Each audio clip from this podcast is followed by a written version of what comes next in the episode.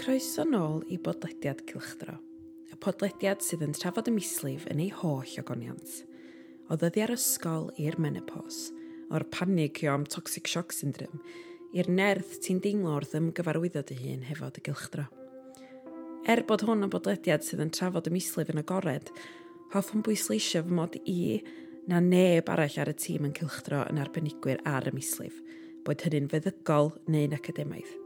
Mae unrhyw ffaith sydd yn cael ei adrodd ar y podlediad hwn yn dod o ffynhonnell allanol, ac os ydych chi'n arbenigwr ac yn sôn mod i neu unrhyw un arall wedi cael ffaith yn anghywir, please rhowch wybod i ni gael dysgu a cywiro'n hunan. Just sgyrsia gonest efo unigolion yn profi'r mislif ydy'r rhain yn unig, a hoffwn bwysleisio mae nid dim ond merched sydd yn profi'r mislif.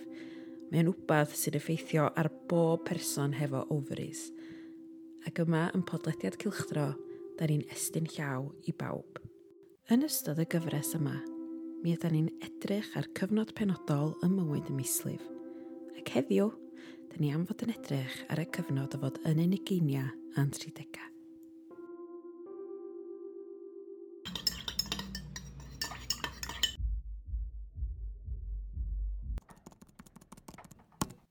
Does na neb yn deitha chdi sut i fod yn dy? y blynyddoedd allweddol na pan ti'n cychwyn dy yrfa, gwneud ffrindiau newydd, gorffan y brifysgol, dod i dylera fod yr iwioldeb, colli ffrindiau, cariadon, one night stands, nosweithiau allan a dyddio ddifaru. Gadael adra am y tro cynta a dod yn annibynnol. Mae o'n gyfnod anodd a chymleth i lot o bobl, ac un o'r pethau yna sydd yn gallu dwysau y teimlad yma geisio ffeindio ni'n hynna'n ydy ein hormons. Da ni di arfer gweithio erbyn hyn. Di arfer efo'r cramps, y cyr pen, y crio. Wrth gwrs yn bod ni, da ni di bod yn cael periods am ddegawd. Ond pa mae bywyd yn taflu un her ar ôl y llall i wyneba ni, mae'n anodd iawn dal yn pennau uwch ben y dŵr. Dwi'n mynd enghraifft eitha personol wan. So, wsos dwytho ni'n pacio i fynd ar wyliau ac eisiau mor stressed a blin a dechrau gweiddi am bethau bach hollol stupid, ond na rili really ddim angen gweiddi amdanyn nhw. Ges i bach o breakdown yna plygu lawr mewn poen efo cramps a dyma fi'n teimlo'r gwaed yn dechrau chifo. Mae fatha switch yndi. A dwi'n gwybod amdano chi, ond i fi mae'n teimlo fatha sgen i ddim rheolaeth drosto fo. Do'n i byth fel arfer yn gweithio'n drwm a dwi byth fel arfer yn cael cramps mor ddifrifol. Ond dwi'n mynd yn hun a mae mislu fi'n newid bob cilchdro wbeth dwi wedi dysgu sydd yn normal wrth recordio ac ymchwilio'r podlediad yma. Mae mislif pawb yn effeithio yn nhw mewn gwahanol ffyrdd ac mae'r rhai o'n ni'n cael poena mawr, rhai eraill o'n ni'n cael yn effeithio'n feddyliol. Wrth i mi holi o gwmpas, ges i glywed mwy am brofiadau gwahanol A dyma un neges ges i gan unigolyn. Dwi'n colli fy hun fel person, rili. Really. Dwi'n mynabod fy hun. Mae o'n newid outlook fi ar bob dim. Dwi'n dechrau cwestiynu pethau sydd yn iawn fel arfer, ond mae hormones yn cymryd hynna ac yn creu stori sydd ddim yn wir. Mae o'n effeithio ar perthynas fi efo fy nghariad yn fwy na dim. Ond pan dwi'n well, dwi'n mynd, waw, eisiau lle tywyll yn fanna wrth sbio nôl. Fos yn braf cael grŵp i drafod hyn efo mwy o fenywod, Mae o'n topic dwi erioed wedi siarad am efo neb achos neith rhai jyst deud, wel ie, dyna mae hormones yn neud i chdi. Ond diolch yn golygu dwi'n heiddi teimlo fel mae bob mis jyst achos dwi'n ddynes. Mae'r stwff eraill sy'n dod law yn llaw fo mislif ni'n anodd, y side effects lle. Ar ôl fi rannu fy symptoma PMS i ar Instagram, y methu canolbwyntio, ond hefyd yn hyperfocusio'r stwff, yr er rage eithafol ma, rhedeg o gwmpas dda rhywbeth gwyllt a gordd bryder afiach am wsos. Nath y rai yna chi ran eich symptoma chi. Mega cysglyd 24-7. Clumsy, bympio fewn i bethau, byth yn clumsy fel arall, methu canolbwyntio. Hyn i gyd a spots.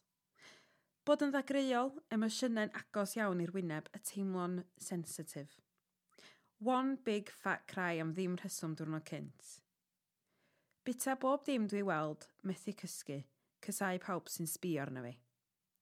Llewygu, methu bita, crio dros wbath, creifio pethau melus.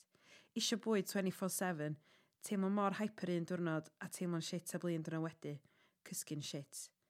Dagreuol ofnadwy, crio ar ddim, imposter syndrome yn gweithygu teimlo bod fi'n crap. Methu cysgu noson cyn cychwyn. Ovulation pain. Hefyd anxiety, craps, cysgu llwydd, hot flushes a bod yn bloated. On edge, cramps, moods, low self-esteem, iselder. Snap, a just llwgisio bwyd yn gyson. Day one, cramps cyr, pen, blinder. Isio crio a teimlo dda bod pawb out to get me. Wsos cynt, lot gwaith, anxiety, meddwl mor negyddol am bob dim, gorau cael naps. Methu cysgu.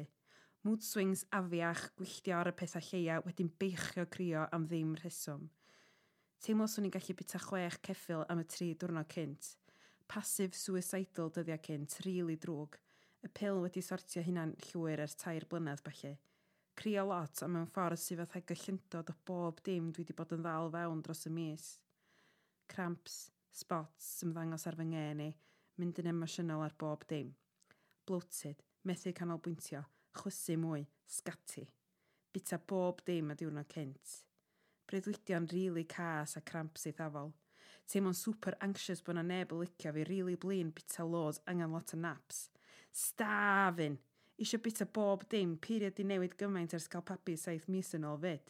Trwm. Oh god, Mari, Mae PMS yn y 40au yn erchill. Fi basically yn dredio pethefnos o bob mis. Rage! Bod yn absolute asshole efo pawb. Lot am rywiaeth, ond un peth sy'n wastad yn digwydd ydy dolu'r rhydd. Teimlo'n ycha fi am fy nghorff a wedyn just cyn o ddechrau yn dda am fy nghorff. Poen a traed rhy boeth, coesa trwm a bledren blin. Blinder blin snappy meddwl fod pawb yn idiot. Nosweithiau chwslyd noson neu ddwy cynt. Ffaffian, definitely yn cytuno fo hwnna. Y sioc, bob tro. Aryddhad wedyn, de. Cramps IBS-au ddofnadwy, yn fynybla mewn poen cramps period gwaed meddylia suicidal. Gorbryder hollol overwhelming, paranoia, tristwch, ofnus. Mae'n waith yn ddiweddar, dwi'n 39. Ddim eisiau gweld neb cuddio yn y tŷ swn i'n gallu. Swn i'n licio tas ar rhywun wedi dysgu fi am y moods a ffyrdd i ddelio fan nhw pan o'n i'n 13 chwysu lot. O'n i'n ista mewn caffi yn crio yn darllen eich ymatebion chi. Un achos byna gymaint o'na chi'n barod i rannu a bod mor onast efo fi, ac yn ail achos mae'r peth yma'n digwydd i ni, a mae pawb jyst yn disgwyl i ni ddelio fo fo. Codi ar yn traed a mynd o gwmpas fel bod o'n effeithio na ni. A dwi'n meddwl bod hynny'n iawn achos mae ymyslif ni yn effeithio na ni. Ac os ydy ni'n teimlo'n rhy fregus i fynd i gwaith neu wynebu bobl yn y swyddfa, os da ni'n misio mynd ar y noson allan na, dylia bod ni'n teimlo ddigon saff a bod ni'n teimlo'r hawl i ffonio mewn i ddeu bod ni'n methu. Dylia bod ni'n gallu estyn potel dŵr poeth o'r cwpwr fel cysur yn y swyddfa. Dylia bod ni'n gallu ffonio mewn a gofyn i weithio o adra. Mae pethau yn gwella, Mae yna mwy a mwy o lefydd gwaith yn cynnig nwyddau periods mewn teileda, ond ydyn ni angen agor y sgwrs yn fwy. Ydy ni wir angen edrych ar y ffordd mae'n mislif ni yn ffitio mewn i gymdeithas. Ar hyn o bryd, mae Llywodraeth Cymru wrthi'n gweithredu ar gynllun Cymru sy'n falch o'r mislif, ac un o'i amcanion nhw ydy, erbyn 2027, byddwn nhw'n byw mewn Cymru lle mae'r mislif yn cael ei ddeall yn llawn – yn cael ei dderbyn ac yn bwnc sgwrsio wedi normaleiddio. Ond ydych chi'n teimlo bod eich mislif chi wedi normaleiddio? Dych chi'n teimlo'n ddigon cyfforddus yn eich gwaith neu ysgol neu brifysgol i allu mynegu y ffordd mae eich mislif chi'n effeithio arna chi? Swn so, i'n caru clywed beth ganddo chi i ddeud am y pwnc yma. Felly cysylltwch efo fi dros Instagram, Messenger, WhatsApp, sy'n bynnag da chi'n gallu gael gafael arno fi, er mwyn i ni gael agor y trafodaeth.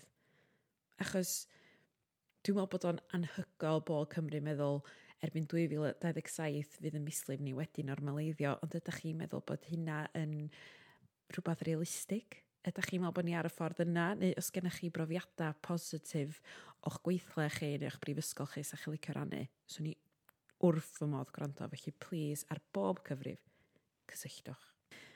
Fel ydych chi wedi gwneud y barod, dwi'n teimlo mor freintiedig bod yna gymaint ohonoch chi wedi cysylltu A mae'n lot yna ni yn rhannu'r un symptoma neu yr un stwff sydd yn bildio fyny at yr wsos PMS yna. Mae yna nerth mewn undod pan da ni'n cael rhannu'n profiadau ni. Ond mae yna 10% o'r unigolion sydd yn cael mislif ar draws y byd yn ei chael ei dipyn anoddach. Mae'r unigolion sydd yn profi endometriosis yn ei chael ein anodd iawn poen arithrol, diffyg diagnosis am amser hir, dim triniaethau ar gael, dim ond y pil, a gorfod masgio poen i ffitio mewn i gymdeithas sydd ddim yn dallt y cyflwr lot ar amser. Fues i mor lwcus o gael y fraint o drafod efo Bethan sydd yn gyfrifol am dudalen endo ni ar Instagram. Nodyn sydyn cyn y sgwrs. Mi ydy ni yn ystod y sgwrs yma yn trafod profiad personol bethan. Tyda ni ddim yn bychanu gwaith neb nac yn lladd ar yr NHS. Mi ydyn ni'n ymwybodol o faint o galed mae'r staff yn gweithio yn y gwasanaeth iechyd yn gyffredinol, ond mae'n sefyllfa cymleth iawn efo endometriosis oherwydd mae'n teimlo bod na ddiffyg ymchwil mawr mewn i'r cyflwr a sut y dylia pobl drin cleifion sydd yn dioddef o'r cyflwr. Um, felly, swn i jyst yn hoffi ychwanegu hynny. Gobeithio bod yna neb yn teimlo bod y sgwrs yma'n sarhau y gwaith nhw yn unrhyw ffordd o gwbl. Um, ond dwi'n meddwl bod hi'n bwysig bod ni'n cael y sgwrs a bod Bethan yn teimlo yn hollol rhydd i fynegu ei phrofiad hi mewn lle saff. Hei Bethan. Diolch yn fawr iawn am ddod i siarad efo fi heddiw. Um, so, nes i ddod ar draws chdi um, pan o'n i'n ymchwilio fewn i periods a um, y gwahanol agwedda o periods. Um, achos mae gennych chi dudalen ar Instagram, sef Endo a Ni, yn sôn am endometriosis. Um, a mae o'n dudalen Instagram hynod fuddiol i, i bawb, really, sydd yn cael period achos, well, pawb yn y byd, achos dyle bod pawb yn ymwybodol o bob dim a pawb yn mynd drwy. Ond um, mae o'n galluogi unigolion sydd yn eich byw hefo symptoma endometriosis ond ddim yn siŵr iawn bedio, mae'n ma rhoi lle saff iddyn nhw ddysgu mwy am y symptoma ac eich sylwi o eich bod hyn gyda fi a bod nhw'n gallu mynd um, wedyn at GP neu pwy bynnag maen nhw angen siarad efo. Um, felly, dwi jyst yn meddwl, sa'n ni'n dechrau yn sôn amdano chdi a dy brofiad i fy endometriosis a sut ges di sut nath o ddechrau a pryd nes ti ddechrau sylwi ar y symptoma? Um, so, ddechreuais i yn mislif i pan o'n i tua 11 a tymo, o'n i di dysgu yn yr ysgol beth oedd y mislif a sut oedd y gylchred fyslifol yn gweithio a phethau. Ond edrych nôl, fi byth yn tymlo fel bod unrhyw un wedi dysgu fi beth ddylen ni ddisgwyl gyda period. So ni, oedd period fi wastad yn brifo a o'n i jyst yn meddwl ar y pryd, ond mae'n rhaid bod e fod i frifo. Um, sneb di gweithio fi bod fi ddim yn mynd i gael cramps ofnadw. Sneb di gweithio fi bod fi ddim yn, bod fi'n mynd i golli lot o waid. A mae ddim ond yn digwydd unwaith y mis, so I'll just suck it up am mis. Ond wrth i fi fynd yn hun, oedd y symptomau mynd yn wath. Um, o'n i'n colli lot o waid oedd yn golygu bod fi ffili rili really gadael y tŷ achos o'n i angen bod yn agos at y tŷ bach. Um, a os o'n i yn gadael y tŷ, oedd rhaid fi fyna dillad sbar, jyst rhag ofn, A oedd y cramps mae'n just really yn llorio fi a ni'n treulio dyddiau yn y gwely.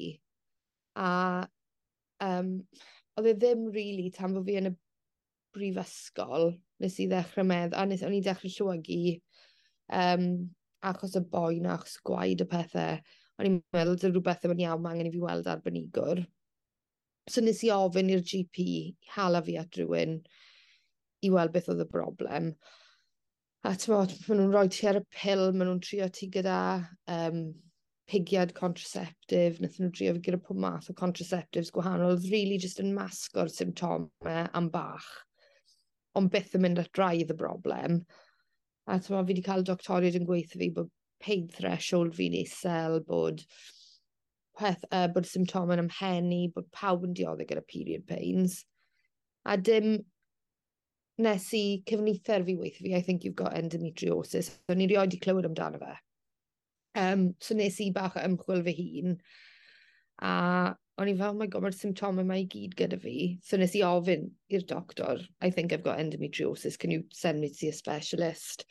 Um, a ges i laparoscopy, lle maen nhw'n mynd mewn trwy dyfod yn boldi gyda camera i chwilio am endometriosis. Um, so i dorri stori hyd yn fyr, ges i tri o'r un ar yr NHS, a nath nhw weid bod e ddim gyda fi. Um, ond oedd y symptomau'n gweithiogi, o'n i'n colli gwaith, o'n i ddim yn mynd mas, o'n i ddim yn gweld ffrindiau fi, a llynedd yn mis mawrth, o'n i yn y gwaith, a o'n i newydd gael consultation o fnadw gyda um, arbenigwr yn Merthyr. Oedd di gweithio fi bod angen i fi drial cael um, GNRH trial, sef lle maen nhw'n rhoi gorff di mewn i temporary menopause i weld os mae symptomau ti yn mynd i ffwrdd. Um, a nes i wrthod, achos o'n i ddim yn gwybod digon amdano fe. A o'n i'n gwybod hefyd rhywbryd byddwn ni moyn plant, a o'n i ddim yn gwybod os oedd yn reversible. A wnaeth rhywun o'n i'n gweithio gyda, wel, fi'n cael absolute meltdown, a gweud, Ceri, wel, y boi ma yn Birmingham, mae fe'n arbenigo mewn endometriosis, nath e'n neud triniaeth arna i, a fi yn tymlo loads gwell ers ni. So, eithon ni lan i Birmingham mis mawrth diwetha, a um, ges i MRI um, yn y mis mawrth. Ges i ganlyniadau yn y mis ebryll, oedd yn awgrymu falle bod endometriosis dy fi ar um, y rectwm a'r um, colyddin, ond i wneud yn siŵr, oedd rhaid fi gael laparoscopi arall, achos dyna'r unig ffordd ti'n gallu cael diagnosis. Maen nhw'n torri fe o na, hala fe am biopsi a... Um, so es i mewn am surgery ym mis Mehefin, a um, pan ddinas i o'r driniaeth, oedd e da fi, oedd e'n bob man, oedd e ar y rectwm, um, Pouch Douglas, fallopian tubes, ovaries, um, cyliddin. So ges i'r driniaeth yn, ar ôl deng mlynedd plus o drial ffindo atebion. Mae ma, ma deg mlynedd mor hir i chdi fod yn byw trwy'r boen, trwy yr effaith seicolegol o bobl yn ddeitha chdi, basically bod o'n dy ben di, a bod y boen di ddim yn cyfri a bod y boen di ddim yn bwysig. Um, mae o mor dor calonus pan ti'n clywed y stori di, achos mae o just fatha faint o ferched eraill sy'n dio, ti'n gwybod y fel, a, a faint o, mae'r ti'n berson yn amlwg ti'n persistent, ti'n gry, oedd chdi'n gwybod, oedd mae'n rhywbeth, ond nes di golli hyder ac oedd o'n cymryd yr ddynas na'n dy waith di fynd, yli, dwi'n dwi, dwi, dwi bod trwy'r un peth a mae'r boi yma yn arbenigo gan fo. A fydda bod y person iawn di dod i dy fywyd i pan o'ch di di colli ffydd fwyaf allan. A ti'n meddwl, mae gymaint o degau lle fi jyst i meddwl bugger fi'n mynd i roi'r gorau iddo fe, ond actually, pan mae fe'n effeithio ar dy fywyd i gymaint yna, a ti'n ti yn colli mas ar y degau rili really pwysig y mywydyd y ffrindiau a ti just ti'n stuck yn y tŷ achos bod ti mewn gymaint o boen. Fi'n credu bod rhaid ti gredu beth sy'n dy gyty, cys tysteb yna bod y gorff yn well na ti. Um, a mae'n anodd, ti'n mynd nôl a nôl a cael doctoriad yn gweithio ti, sy'n byd yn bod yn ti, ti just ar low pain threshold neu, ti'n ma. Mae'n ma anodd, ond mae'n rhaid ti Fi'n credu os o'n i'n gorfod siarad yn unan yn ifancach, byddwn ni'n gweud ma, bydd yn grif a creda yn dy hun, achos sa'n gwybod faint o weithiau fi wedi dechrau am y symptomau fi a meddwl, no, falle bod fi'n hypochondriac neu, ti'n ah, trio cael pobl i ddeall yw'r peth, achos bod fi ddim yn edrych yn sal um, fi'n credu bod yn anodd i bobl weithiau ddeall faint o boen fi ynddo fe. A fi yn tymlo weithiau bod fi'n goffo gwisgo rhyw fasg er mwyn... Achos bod yn haws na gorfod gweud na fi ddim yn ffain, fi mewn poen yn gyson, fi'n fi, fi stryglo, mae'n haws weithiau jyst gweud fi'n ffain. A dylse neb deimlo fel na. A fi'n credu yn y blynyddoedd diwetha, na beth sydd wedi gwneud i fi ffind o'n llais yw fi ddim eisiau i neb arall orffa mynd trwy be nes i er mwyn cael diagnosis. So na pam nes i seto'r didalen lan, achos nes i lot o'n ymchwilio gwmpas endometriosis ar cyfryngau cymdeithasol ar Instagram, achos um, dos dim lot o wybodaeth mas am, am y clefyd. Um, A oedd dim tudalen ar gael yn Gymraeg, a o'n i'n meddwl bod fi eisiau creu rhywle, fel o ti'n gweud gynnau, rhywle saff i ferched a pobl sy'n cael periods allu gofyn cwestiynau os 'y nhw moyn, gallu rannu straeon nhw os 'y nhw moyn. A tibod, fi rili really wedi cael sioc ar yr ochr orau bod cymaint o bobl wedi trysto fi rili really, a gofyn cwestiynau i drio cael atebion i hunain a... mm. ...cyngor ar beth yw'r camau nesaf. Fytha, dwi chyddi bach, fytha, dwi'n teimlo un o ohona chdi a bo chdi nid yr unig bo chdi wedi bod ar y daith deg mlynedd yna o gael diagnosis, ond bo chdi fatha wedi gweld, reit, so ti'n gorfod bod yn gry chdi dy hun wedyn yn mynd drwy'r triniaetha, a wedyn ti fatha, na, fel o'ch ti'n dweud, ti wedi bod yn gryf dros fwy na jyst chdi, achos ti'n eisiau bod neb arall yn dioddau mewn poen a mae'r busnes masgio poen yma a bod chdi'n deud weithiau bod chdi'n bo chdi mynd edrych yn sal, di, di bobl, jyst achos bod rhywbeth yn anweledig, diolch yn golygu bod o ddim yna. Yeah. A mae endometriosis yn mae, mae yn effeithio ar dy gorff di a dy organa di mewn, mewn ffyrdd gwahanol. Elli di egluro yr ochr meddygol o ra, dim meddygol, ond y broses, fatha beth i endometriosis. Um, uh, so, ti'n rhoi fi ar y spot nawr, fi wedi dysgu o'r na, mae'n ffain. Right, so endometriosis yw pan mae um, tissue sy'n debyg i lein yn y groth yn tyfu mewn mannau eraill yn y corff. So fel arfer, pan mae rhywun yn cael period, mae lein yn y groth yn dod i ffwrdd ac yn dod diosg fel period. Ond gyda endometriosis, mae'r tisiw yma sy'n debyg, does dim ffordd gyda fe o ddianc o'r corff, felly mae'n glynu wrth organau eraill. Um, a mae fe wedi cael ei ffindo ym mhob organ yn y corff, a oedd hwn yn ystadeg yn actually it blew my mind. Mae pobl wedi cael ffindo endometriosis yn y llygad, yn yr ymenydd. So mae'r tissue ma'n basically yn gallu teithio rownd y corff, a mae fe hefyd yn gallu peri i dy organau di stico at ei gilydd um, gyda pethau o'r enw adhesions, sy'n fel, y ffordd gorau o ddisgrifio nhw yw fel gwe pre-cop sy'n glidio dy organau at ei gilydd. So, fel ti'n gallu chmygu wedyn, mae reina mynd yn inflamed ac yn achosi lot o boen. Yn ogystal â holl symptomau mislif ar ben hwnna, so pethau fel cramps ofnadw, colli lot o waid. um, yn bersonol, fi'n cael um, mae'n stymog i'n chwyddo'n ofnadw um, pan fi'n cael flare-up. Ond mae fe achos bod y tissue yma tu fewn i fi yn mynd yn inflamed a dim ffordd gyda fe o ddianc, basically. A mae'n digwydd... So, mae'n digwydd yn ystod bob cycle hefyd, yr eis. Dwi'n iawn yn dweud hynny, so bod o fatha ti, ar ben dy period arferol di, um, ti'n cael... Mae o fatha bod yr, yr yr tisiw sydd yn wedi gludo mewn rhan eraill o dy gorff di. Mae heina'n cael cycle hefyd, so mae heina'n chwyddo... Mae nhw'n creu localised estrogen i hun. So mae hwn yn gallu effeithio ar bobl yn ystod i mislif, ond mae fe hefyd yn gallu effeithio ar nhw pan dyn nhw ddim ar ei hmm. mislif. Mm. Mae nhw'n gallu cael flare-up o'r symptomau yn ystod y cyfnod lle dyn nhw ddim yn cael mislif. Ond on bod o yn boen sydd yn digwydd Mae'n tueddu ddigwydd gyda'r gylchred, fi'n credu.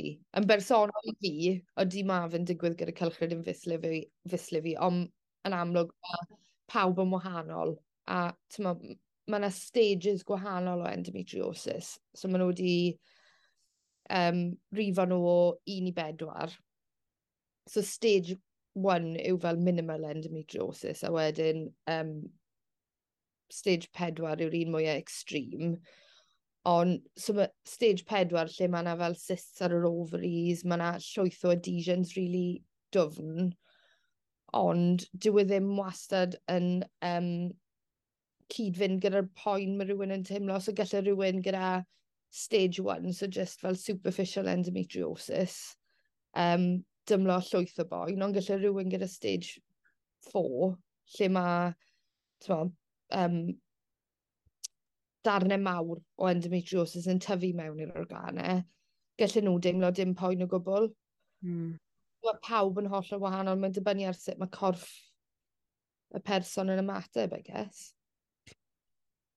Mae o'n... Um, ond dwi'n meddwl bod y mor ddiddorol bod chdi wedi dechrau'r sgwrs yn sôn am bod chdi'n un ar ddeg yn dechrau period chdi a oeddech mm-hmm. chdi'n cofio be gysdi dy ddysgu'n ysgol. Twyd, ydy hyn yn wbeth, ydy endometriosis yn wbeth, dwi'n yn gwybod ddigon, ond ydy endometriosis yn rhywbeth sydd yn cael ei drafod mewn gwersi rhyw yn ysgol o'n. Um, ac ydy bobl ifanc yn ymwybodol bod o'n gallu digwydd un nhw, a pa maen nhw mewn poen difrifol yn ystod period, dydy hynna ddim yn normal, a mae gen nhw hawl i fynd i ofyn am help.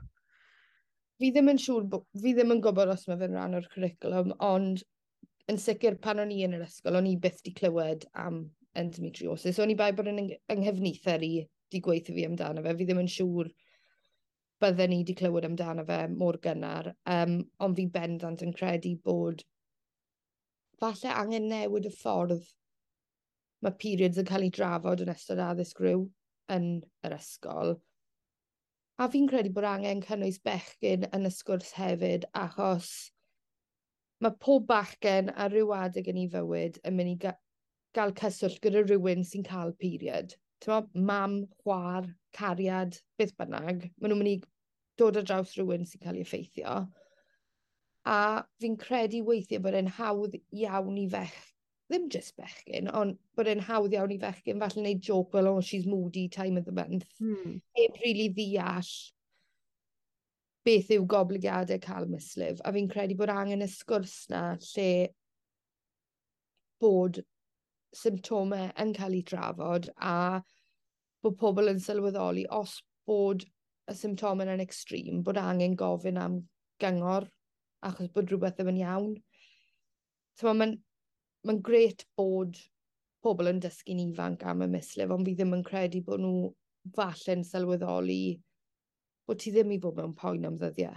Bod ti ddim i fod i orfod gorwedd yn y gwely am drydiau achos bod ti ffili symud a bod ti'n gofyn i newid um, sanitary towels ti bob dwy awr achos bod period ti modrwm, dyw e ddim yn normal.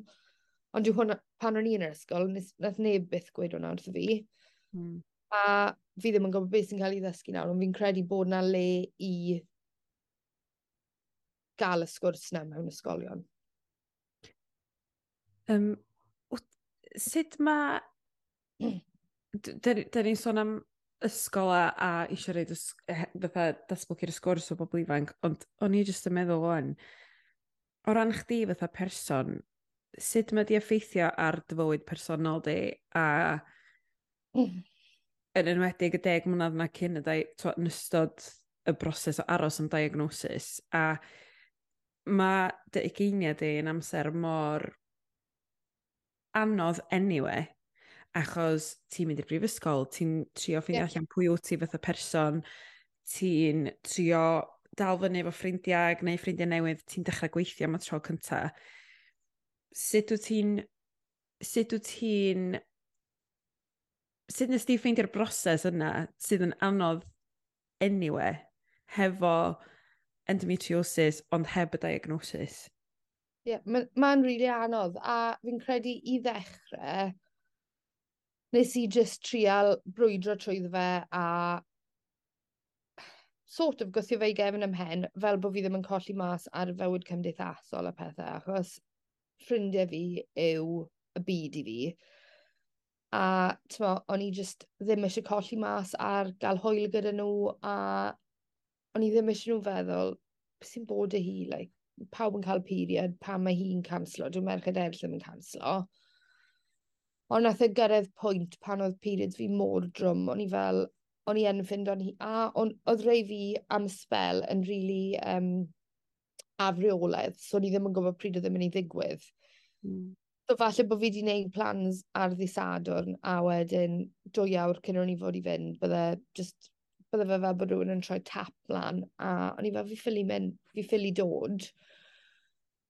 A, so, oedd lot, lot o ffrindiau fi yn rili, really, rili really gyfnogol ac yn deall, ond oedd rai just ffili cael i pen rownd e, ti'n meddwl, ni'n cael, ti mor flaky, ti just i double book o'n i, plans eraill dy ti, a y gwir o'n yw, o'n i yn y tŷ yn llefen, cys bod fi mewn gymaint o boen, a mae hwnna'n cael effaith masif ar iechyd meddwl rhywun, yn wedig yn ifanc, ti'n ma, fi wedi cyrraedd y pwynt nawr lle fi'n meddwl, os oes rhywun yn gweud hwnna wrth ei nawr, wel, ti ddim yn abod fi, a actually fi'n mynd i roi'n hunan yn gyntaf, iechyd fi sy'n bwysig.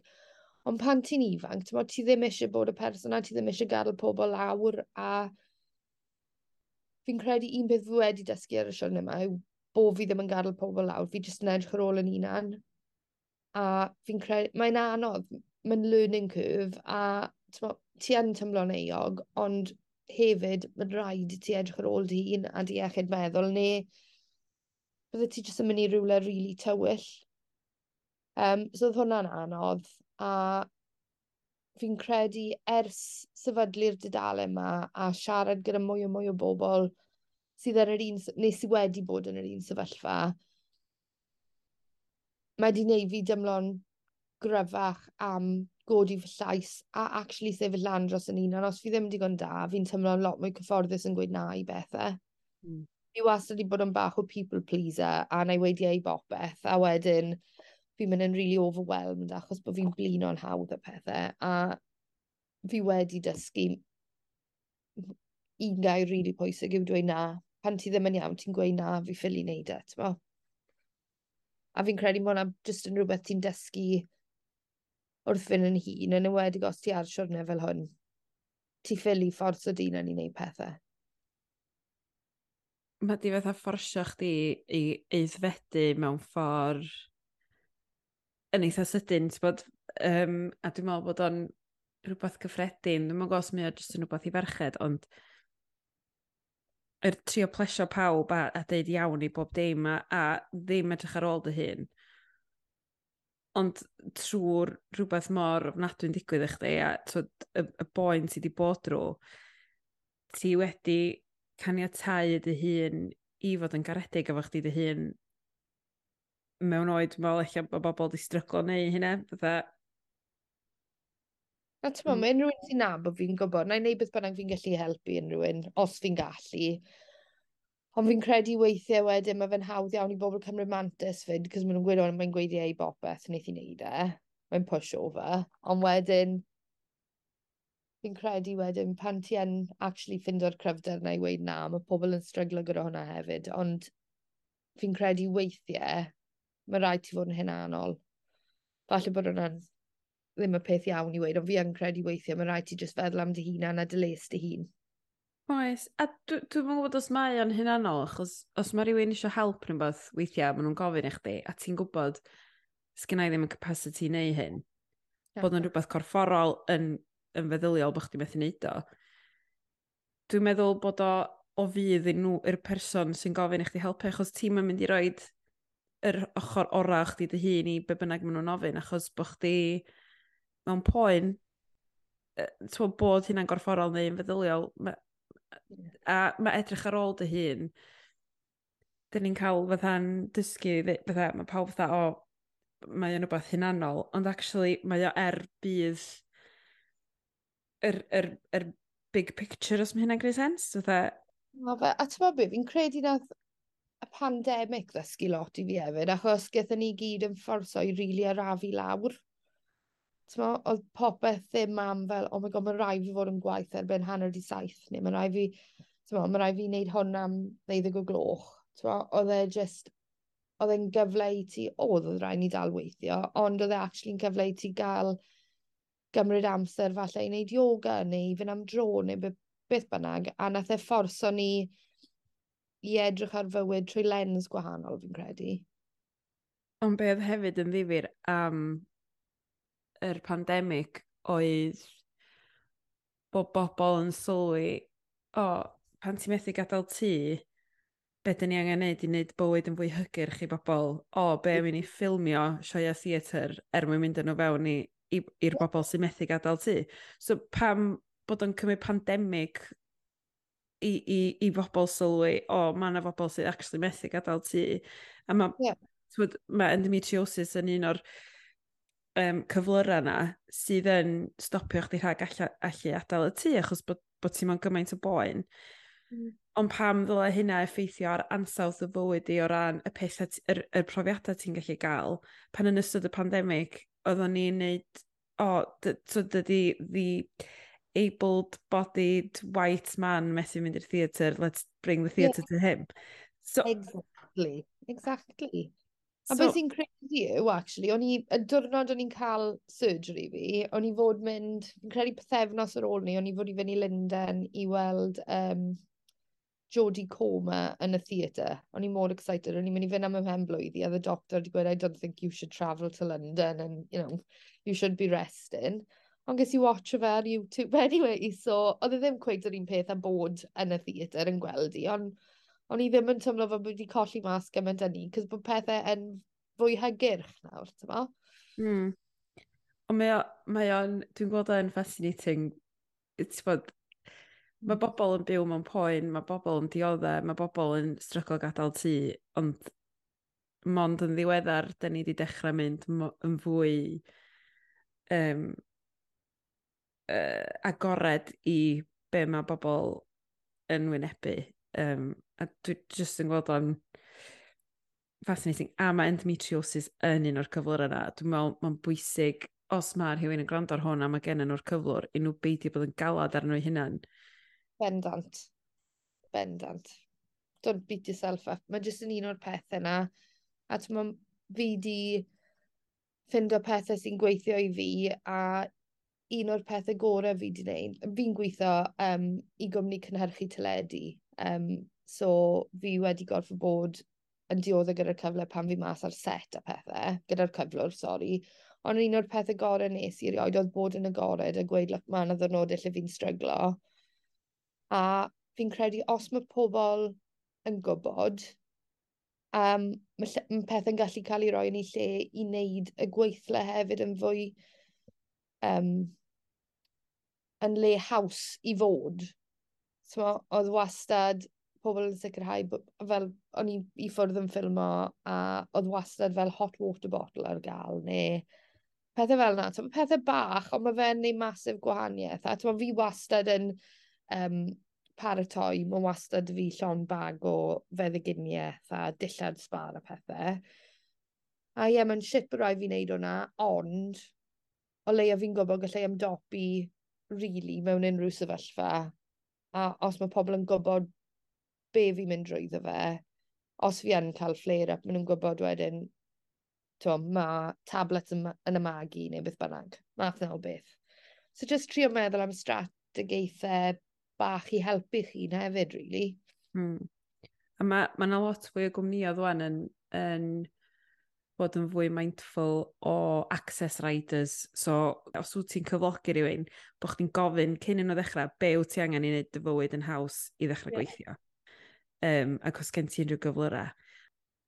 Nes ti sôn o'n am y meddygyn ieithad ti'n gymryd, wyt ti'n ddibynnol ar meddygyn ieithau i gael chdi a dyna sydd yn helpu chdi o ddydd i ddydd er mwyn allu cwpio ac er mwyn gallu gweithio?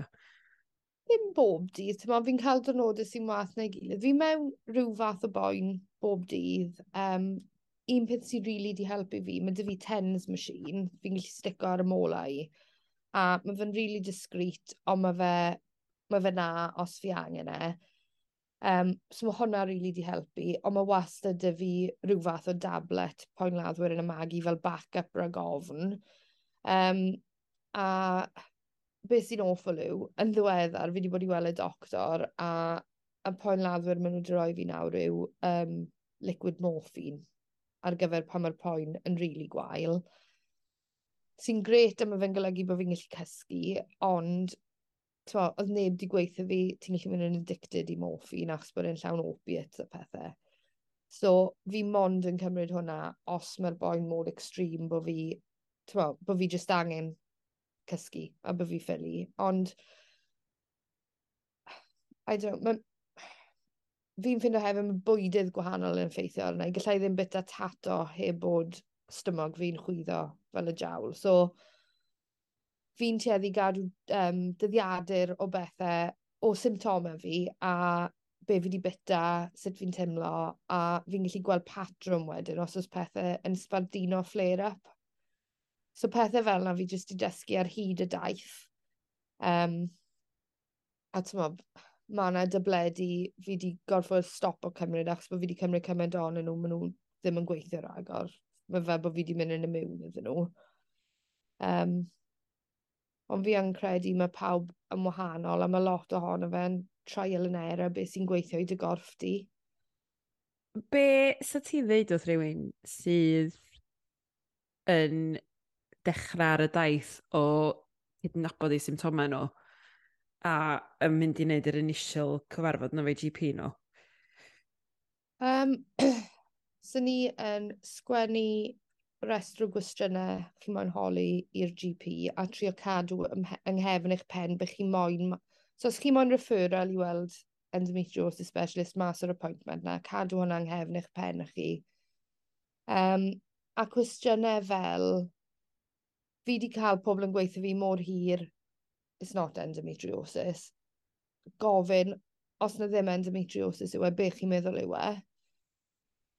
Os fi hefyd wedi dysgu, os mae doctor yn gwrthod referro chi i weld rhywun, neu yn gwrthod unrhyw fath o driniaeth i chi, i ofyn iddyn nhw sgwennu fel awr yn eich nodiadau chi, um, bod wedi gwrthod triniaeth, achos dys dim meddyg eisiau cael ei gweld yn gwrthod triniaeth i unrhyw un, a weithio os chi'n gweud, gweud, gweud rhywbeth fel yna, mae'n gallu sbarduno nhw i falle ystyried triniaeth wahanol. Um, a hefyd, fel wedi si gadw symptom journal, dyddiadur symptomau, fel bod hwnna fel rhyw fath o dystiolaeth i chi fynd gyda... Mae'n ofnadw bod chi'n goffo wneud e, ond bod ydych chi dystiolaeth, dyma sut mae'n effeithio ar y mywyd i. So bob tro chi'n cael symptom, sgwennwch e lawr, beth yw'r symptom, sut mae'n effeithio arnoch chi, pa mor hir mae'n para, sut mae'n effeithio ar eich bywyd chi o ddydd i ddydd. Um, a mynd o hwnna gyda chi at y meddyg. A hefyd, credu yn eich symptomau chi hunan, chi'n nabod eich corff chi, a chi'n gwybod bod rhywbeth yn mynd iawn. So, er bod e'n anodd weithiau, dal eich tir chi, mae'n werth e yn y pendr. Mae'n swnio'n ofnadw, mae fe'n werth yn y pen draw pan chi actually yn cael y diagnosis. Okay. Diolch o galon am siarad efo fi heddiw a gan fod mor agored. Um... Diolch oh. Diolch o galon i Bethan am fod mor barod i drafod na gored efo fi.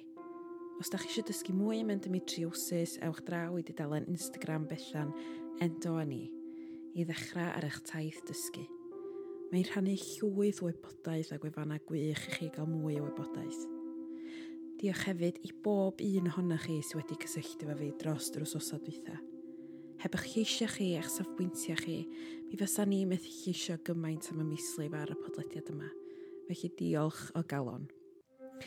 Da chi wedi bod yn gwrando ar bodlediad Cilchdro efo fi, Mari Ellen Jones. Mae'r gyfres yma wedi gynhyrchu a'i ymchwilio gyda fi. Mae wedi ei olygu gan Dion Jones, sydd hefyd yn gyfrifol am yr holl nodweddion sain a'r gerddoriaeth. A bysa'r podlediad yma ddim yn bodoli oni bai am y ddwy artist ysbrydoliedig, Iola Ynyr a Sianed Medi. Eu syniad nhw ydy cilchdro a prosiect cilchdro, ac os ydych chi heb gael cyfle i weld yr animeiddiad maen nhw newydd ryddhau, ewch draw i Instagram cilchdro i chi gael gweld. Ariannwyd y podlediad yma gan Gynllun Urddas Mislif Llywodraeth Cymru trwy Gyngor Gwynedd.